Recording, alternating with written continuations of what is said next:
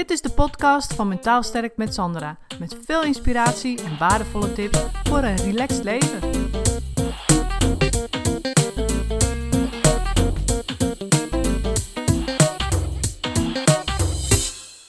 Hey, leuk dat je luistert.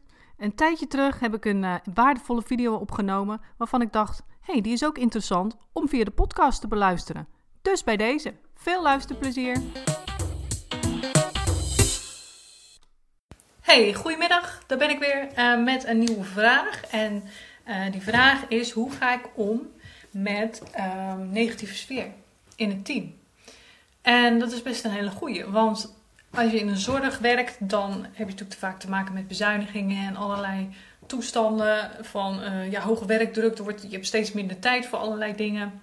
Het moet allemaal in veel minder tijd gebeuren. Je hebt veel minder tijd voor de mensen zelf. En dat geeft natuurlijk stress, dat geeft werkdruk. En voor je het weet, uh, ja, beïnvloedt dat natuurlijk een team. En dat is best heel lastig.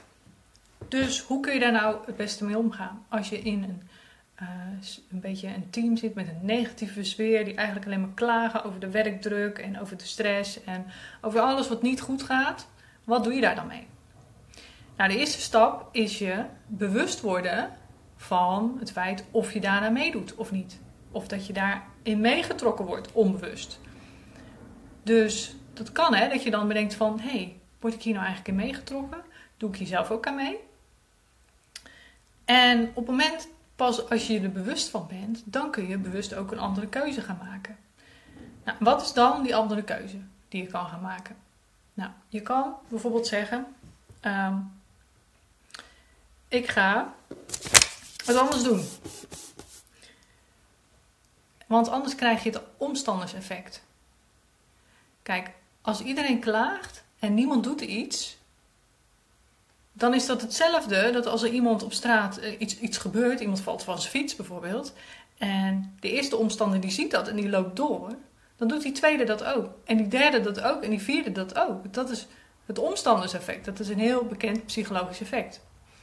En zo is het ook in een team. Als niemand wat doet, dan doet de ander het ook niet. Dus dan blijf je met z'n allen maar doorklagen. Dus het is heel belangrijk dat iemand dan een stap gaat ondernemen en gaat zeggen van... hé, hey, waar zijn we nu eigenlijk met z'n allen mee bezig, jongens? Dit werkt allemaal niet, al die negativiteit. Laten we het alsjeblieft ook met z'n allen anders gaan doen.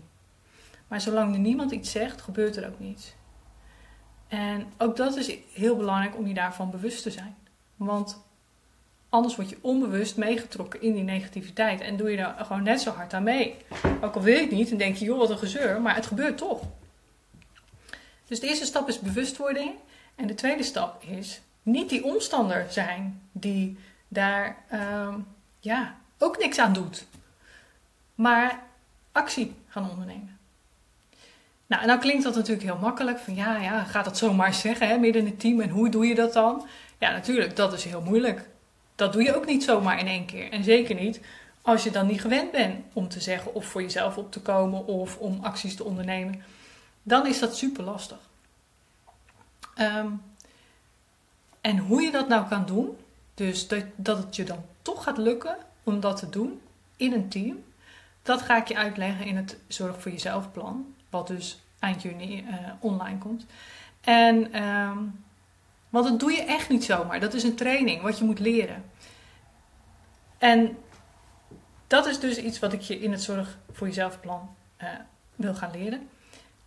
En waar het uiteindelijk, maar ik kan er wel vast een tip meegeven, dat waar het gewoon in de eerste instantie op neerkomt. Stel dat er één collega in jullie team is die heel negatief is. En je zou de moed hebben om er iets, nu al iets van te zeggen. Dan kun je dat beste gewoon eerst één op één doen. En dat even bespreekbaar maken met die persoon. En op het moment dat, uh, dat diegene daar dan niet voor open staat, ja, en dan zou je dat met een leidinggevende kunnen bespreken. Of over het algemeen, in het algemeen iets in een groep gaan zeggen. Hè? Dus van, goh, dat je het jammer vindt dat de sfeer zo negatief is. En dan voelt diegene zich vanzelf aan aangesproken. Dus er zijn allerlei wegen naar Rome. Maar mocht je al uh, gemotiveerd zijn of echt actie willen ondernemen, dan zou ik zeggen, begin gewoon eerst even één op één en geef aan dat, het, uh, ja, dat, dat je het vervelend vindt en dat die negativiteit.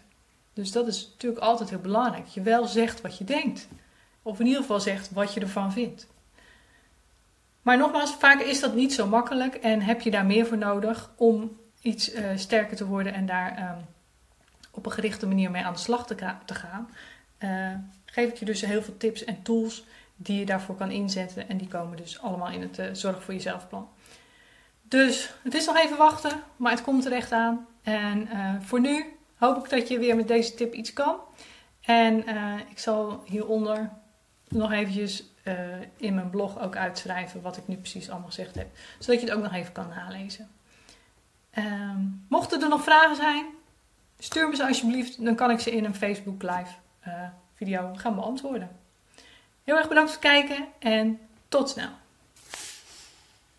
Bedankt voor het luisteren. Het is mijn intentie om met deze podcast waardevolle inzichten te delen die je kunt gebruiken voor je eigen leven en die je helpen groeien in je persoonlijke ontwikkeling. Wil je voortaan alle verhalen bij elkaar hebben staan? Abonneer je dan even op Mentaal Sterk met Sandra op iTunes of Stitcher. En ben je enthousiast over mijn verhaal? Dan zou ik het superleuk vinden als je een review achterlaat. Dat kun je doen in iTunes of Stitcher en geef je bij beoordelingen en recensies een korte review.